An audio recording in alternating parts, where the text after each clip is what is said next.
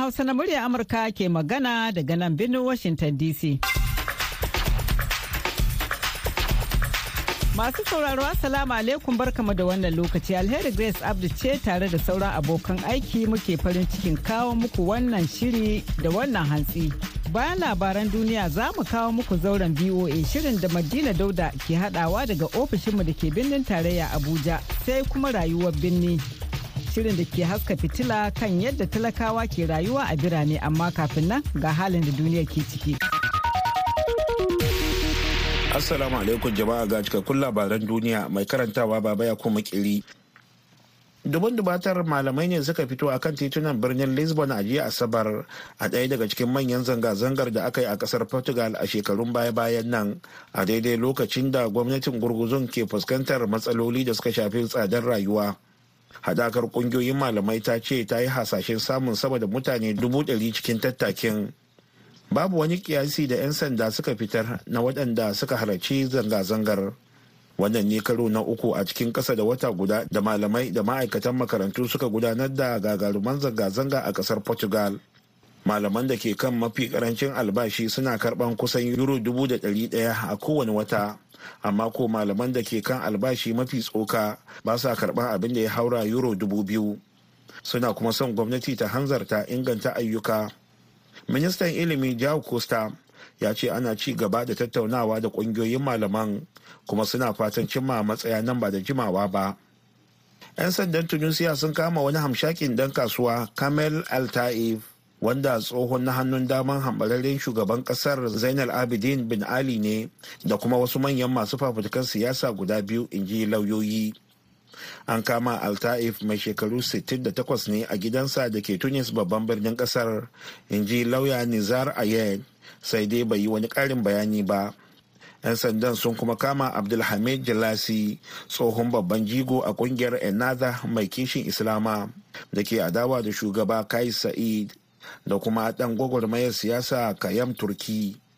Tunisia ta samu karuwar kame da gurfanar da 'yan siyasa da 'yan jarida da sauransu a gaban kuliya tun bayan da sa'id ya karɓe madafun iko a wani gagarumin yunkuri na adawa da majalisar dokokin ƙasar a watan yulin shekarar 2021 tun lokacin ne kuma masu adawa da sa'id suke zargin shi da mulkin kama karya a ƙasar da aka fara borin ƙasashen larabawa a shekarar 2011 labaran na zuwa muku ne daga nan sashen hausa na muryar amurka a birnin washington dc ibrahim zakariya ya fita daga hayyacinsa a lokacin da ya makale kusan kwanaki biyar a ƙarƙashin buraguzan gidansa biyo bayan girgizar kasa da ta afko a turkiya da siriya a cikin makon nan. Dan shekara 23 mai aiki a wani shagon sayar da wayoyin hannu a garin jebla na ƙasar siriya ya rayu ne da ruwan dauda da yake diga a kansa. Kuma daga bisani har ya fara fidda rai ba zai rayu ba. Na ce na mutu kuma mawuyacin abu ne na rayu in ji zakariya wanda aka ceto shi da yammacin ranar juma'a. Yana faɗa wa kamfanin dillancin labarai na associated press a gadon asibitinsa a jiya asabar a garin latakiya da ke gabar teku inda mahaifiyarsa mai shekaru 60 duha nurullah take murmurewa. Kwanaki biyar bayan wasu gagaruman girgizan kasa guda biyu da suka yi sanadiyar rushewar dubban gidaje suka kuma kashe mutane dubu takwas. sun sa miliyoyin mutane sun rasa muhallansu. Kana masu aikin ceto sun kuɓutar da wasu da ake shakku ko za su rayu a ciki har da wani jariri mai watanni bakwai da haihuwa. Yakin da rasha ke yi a ƙasar ukraine ka iya ci gaba har abada in ji shugaban ƙungiyar sojan hayar rasha ta wagner group. A cikin wata hira ta faifan bidiyo yevgeny prigozhin ya faɗa da yammacin ranar juma'a cewa za a iya ɗaukar watanni goma sha takwas zuwa shekaru biyu kafin rasha ta karɓe cikakken ikon yankin donbass mai masana'antu a gabashin ukraine. Prigozhin ya lura cewa yaƙin na iya tsawaita tsawon shekaru uku idan moscow ta yanke shawarar ƙwace yankuna da dama a gabashin kogin dnipro. Ya yi waɗannan kalaman ne yayin da ake shirin cika shekara guda da mamayar da rasha ta kai wa ukraine Firaministan Canada Justin Trudeau ya faɗa a jiya Asabar cewa bisa umarninsa wani jirgin yaƙin Amurka ya harbo wani abu da ba a tantance ko menene ba wanda ke shawagi a saman yankin Yukon mai tsaunuka a Canada kwana guda bayan da Amurka ta ɗauki irin wannan mataki akan Alaska. Labaran duniya kenan kuka saurara daga nan sashen Hausa na murya Amurka a birnin Washington DC yanzu kuma ga Madina da shirinmu na gaba.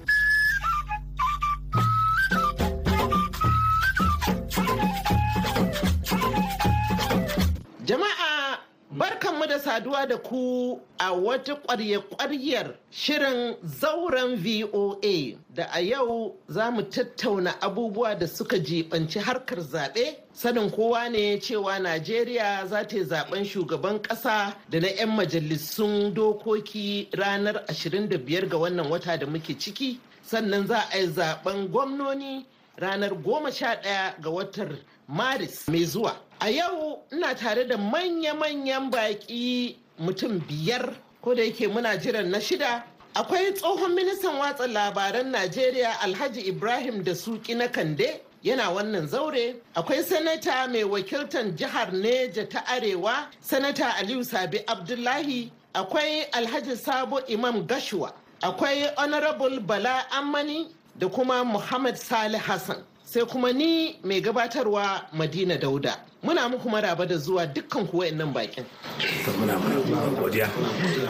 To, an fara kamfe a Najeriya 'yan watannin baya. Duk wanda ike Najeriya ya san yadda abubuwa ke tafiya. Ina so in fara da tambayan tsohon ministan watsa labarai Alhaji Ibrahim da Suki na Kande. Kaga yadda ake siyasa a Najeriya nan, kaga yadda ake kamfe na neman tsayawa takara a najeriya nan ba ma wannan karan ba na shekarun baya yaya kake kallon yadda ake waɗannan yaƙin neman zaɓe a yanzu to salamu alaikum a yadda ake yin a wannan kamfen yadda dokar a zaɓe ta ƙasa baki ɗaya ta tsara cewa ya kamata a yi a kamfen shi ne da ke yi. Saboda babu wanda yake yin nashi kamfen din daban da fiye da yadda aka tsara a cikin dokokin da 'yan majalisu suka tsara mana. Suka ce a cikin dokokin nan akwai abubuwa da yawa da ta kusa na ɗaya akwai maganin kashe kuɗi. Akwai daidai kuɗin da aka tsara cewa za a kashe. Akwai abubuwa na ta'addanci da aka ce ba zai yiwu ba a cikin kamfen da za a yi da sauransu. So fatan shi ne za a ci gaba da haka har ta kai mu gaggacin yin wannan zaɓe da aka saka. Za a fara shirin 25 ga watan fabrairu. a cikin wannan shekarar da ake ciki. So muna fatan cewa za a yi shi a cikin lafiya cikin lumana kuma wanda allah ya ba nasara shi zai ɗauki zaɓen da za a yi insha Allah. to bari dan ƙara tambaya ɗaya kafin in zo ga mahalarta zauren nan akwai ƙorafe-ƙorafe da mutane ke yi cewa ana wa'annan kamfe ɗin kamar yadda ka faɗi ana bin dokar zaɓe yadda ya dace a yi kamfe amma kuma akwai mugayen kalamai da wa'annan masu neman kujerun misali na shugaban ƙasa da sauransu suke ta yawan yi a tsakaninsu. Shin kana ganin hakan ya dace? a bai dace ba wayannan mugayen kalaman. Amma babban abin da za mu yi la'akari da shi shine yawancin shugabannin ba su suke yin kalaman sosai ba. Magoya bayan su ne suke zage-zage suke maganganu suke batanci a cikin abubuwan da ake faruwa wajen kamfen nan. Wannan bai dace ba saboda wani lokaci idan wayannan kalamu na batanci ya yi yawa zai sa magoya baya su kuma su shiga wasu hali wanda zai bata tafiyar da ake shi a cikin kasa don a samu zaman lafiya bayan an gama zaɓen ga baki ɗaya su fatan mu shine dole za su rage wayannan kalamu marasa kyau na batanci domin ai zaɓen nan. A ƙarshe allah ne zai ba mutum ɗaya wanda zai ci wannan zaɓen sauran kuma dole ne kuma a yi mubahiya a bi shi domin ƙasar ta ci gaba. To muna godiya ƙwarai bari zo gare ka sanata aliyu sabi abdullahi. Ka tsaya takara tun shekara 2015 ko? Ka kuma sake tsayawa 2019 menene kake gani bambanci a yadda ake gudanar da kamfe din wannan zaɓen eh to jama'a barkamu da haka assalamu alaikum. Abinda kawai zan faɗa shine yanayi a canjawa. In akwai wani abin da zai zama watan kamar bambanci ba zai rasa nasaba da yanayi. Saboda wancan shekarun da aka faɗa da zuwa yanzu abubuwa da yawa sun faru. Kuma a dalilin haka zai sa dole kamar da masu karin magana kan ce in kiɗa ya canja rawa dole za ta canja.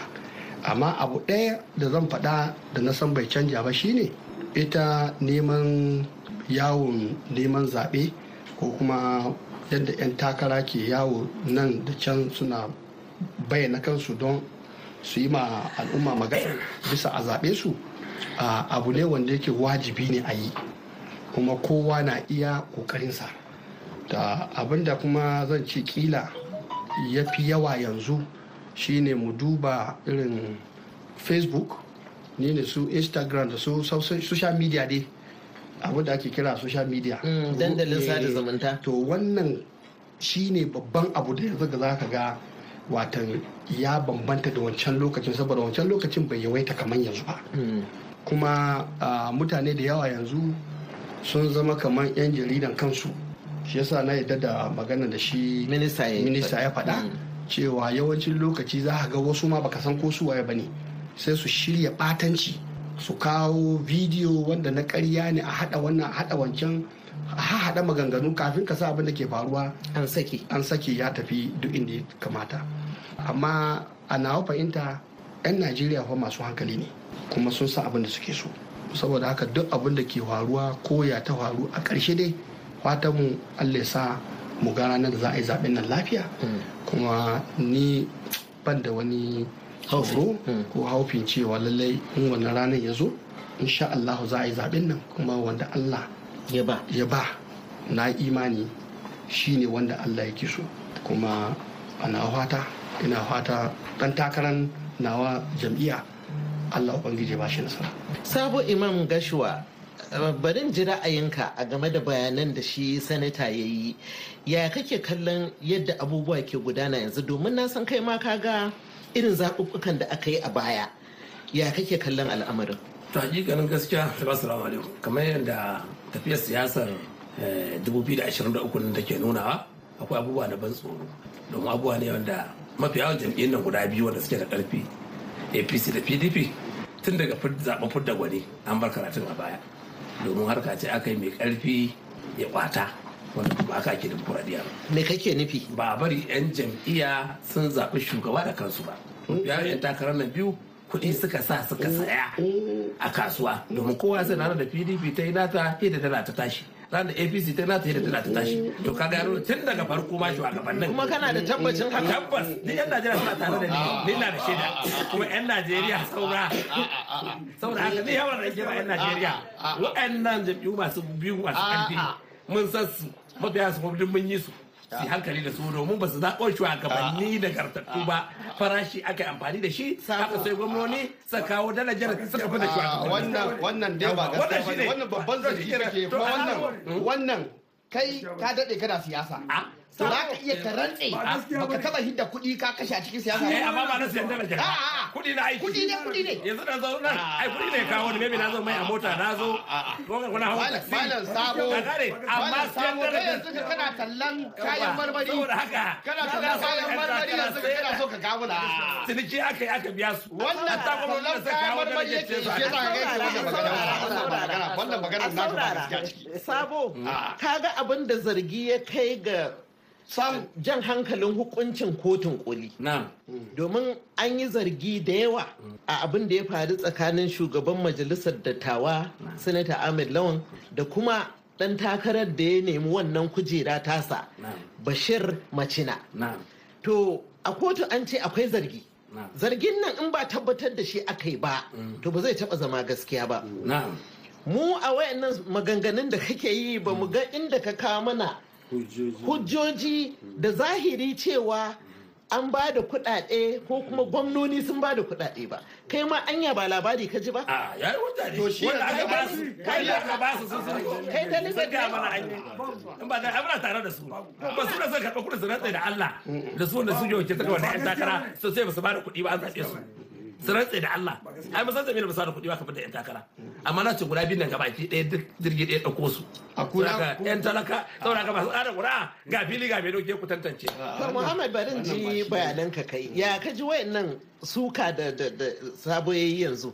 Na cewa ga shi wai ya ce kuɗi ya taka rawa a wajen fidda 'yan takara. Eh, to ni dai na farkon fari ni a wannan zaɓe kamar na apc ni memba ne na election monitoring committee na convention na apc Wato kana cikin wanda suka sa ido. wanda ƙwarai da gaske ina cikin 'yan sa ido kuma ina cikin ma 'yan accreditation. Da ni aka yi convention awa 24 na apc amma ni ban ga envelope ɗin kuɗi ba da aka ɗauka aka ba ma wani wai iya zaɓi wani. Amma na ji wai Kamar yadda shi yake bayani yanzu. kamar yadda shi A yake hotel ake bayani to kai ke da hotel To ɗin ka je kamar hotel yadda da shi yake kai ke da hotel bayani ɗin kenan. Ta shi to. Amma amma abin da muka sani. duk waɗannan zargi da ake magana a kansu yanzu duk an riga an wuce wannan waje.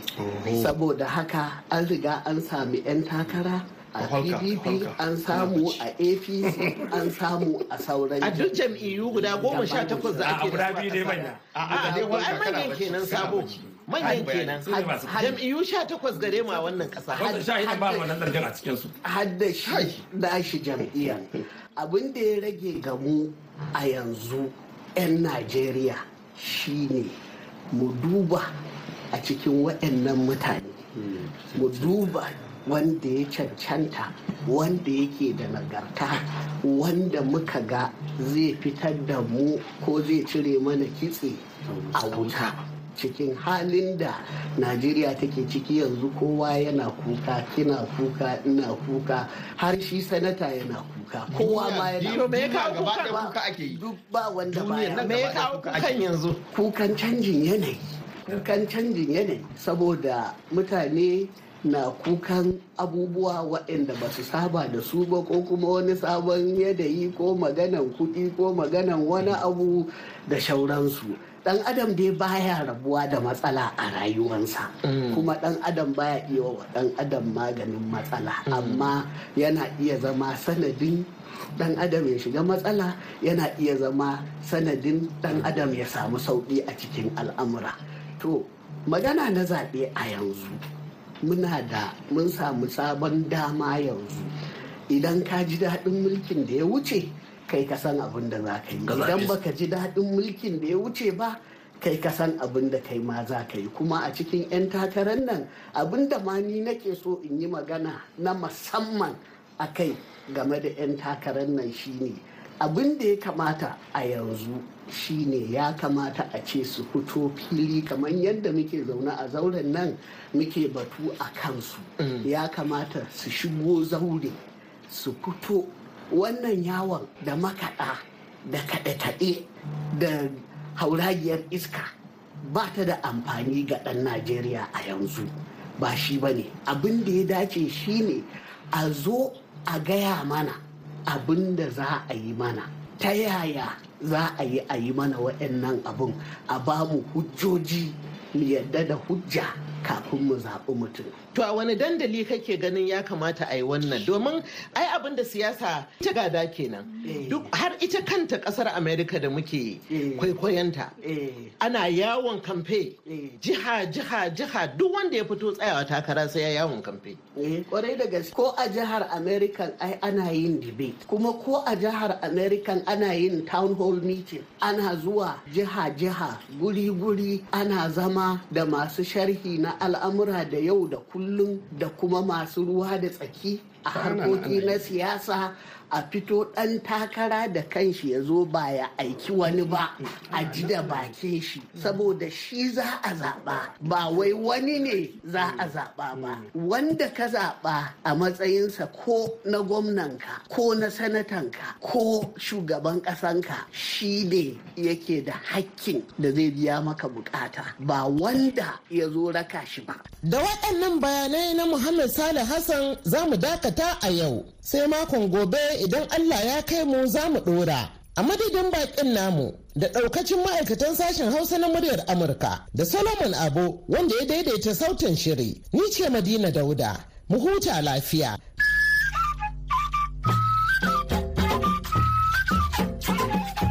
Gaida Madina wannan shirin yana zuwa muku ne daga nan birnin Washington DC a kan mitoci 1725 da kuma 60.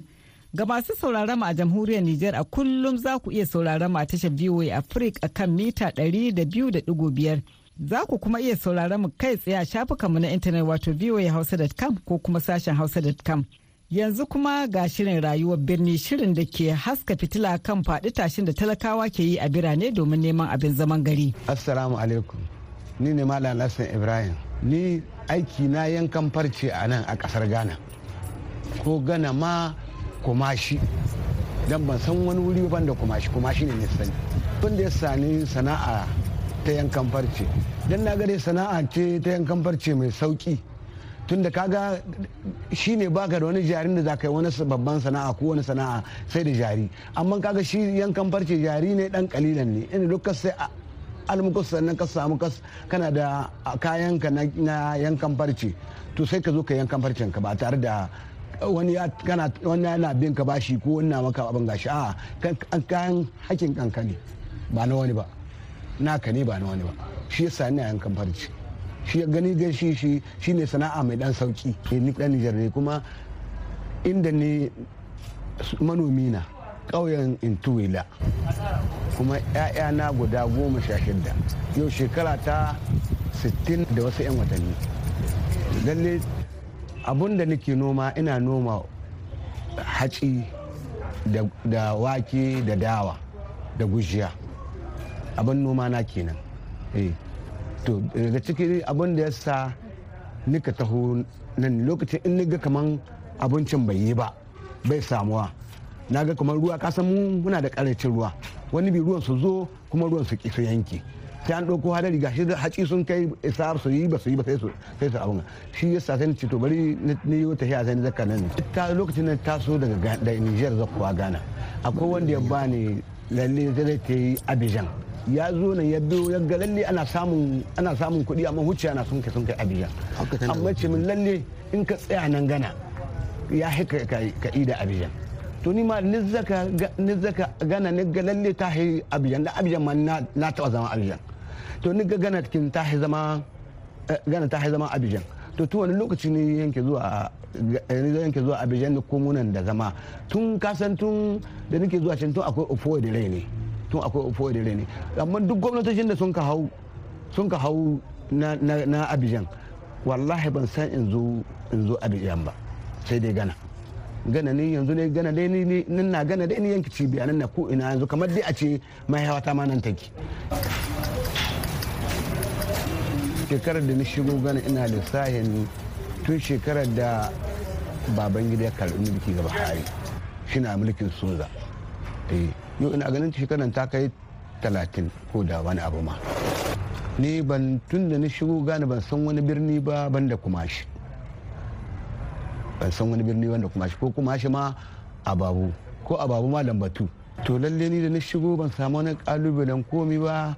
Sai an ka tambayin takardu na ni ba da shi kenan na guci ke ba ba wani kalubalen ne abin da samu. To lalle lokacin da shigo gane sun sa ana yankan warke wasu ma ba su sani ba don wasu suna mamaki. Lokacin da shigo wasu ma suna mamakin kakana a kai.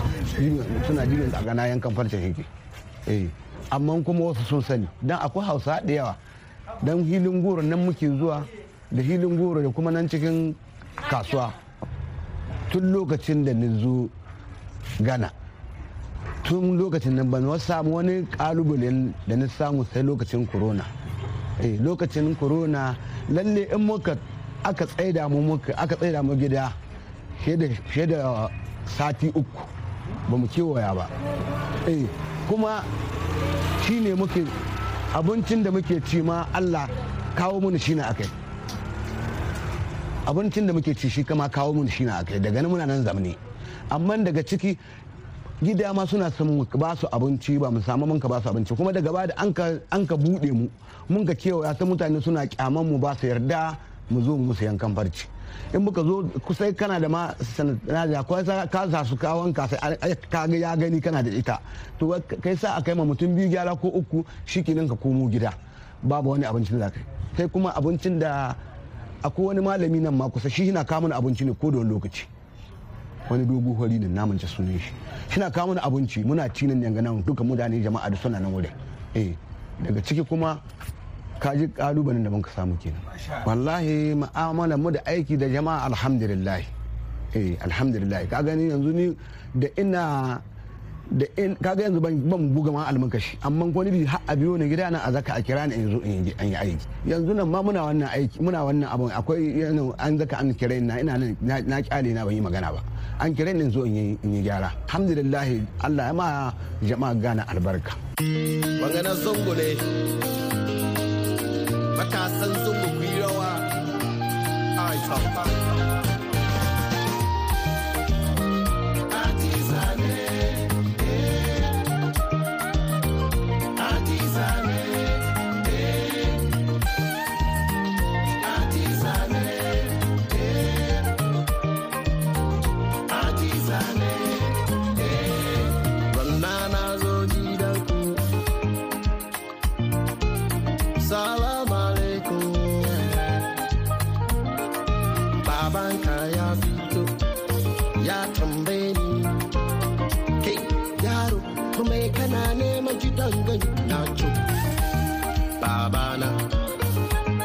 adiza ne babana sister adiza ne please marry me yo.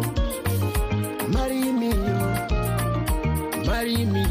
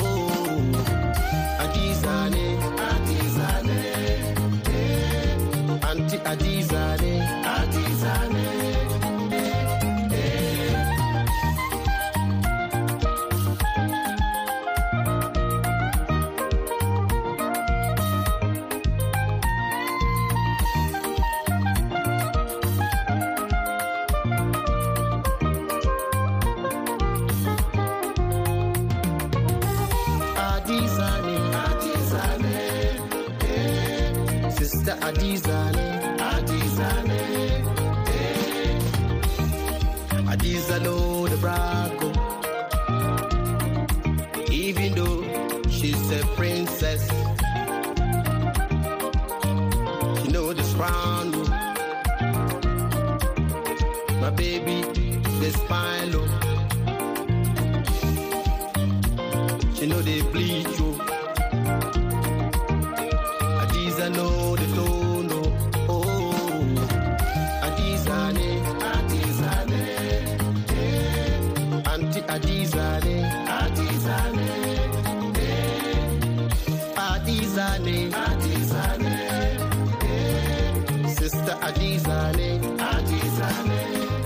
madalla da wannan kuma muka kawo ƙarshen shirin na yau sai kuma da rana ku ji abokan aikinmu da wani sabon shirin yanzu a madadin dukan waɗanda suka ba da gudunmawa ga nasarar wannan shirin da suka hada da Suleiman Abo da ya hada shirin da ba da umarni alheri ke muku fata alheri ku ni lafiya mu kuma mu kwana lafiya da alheri.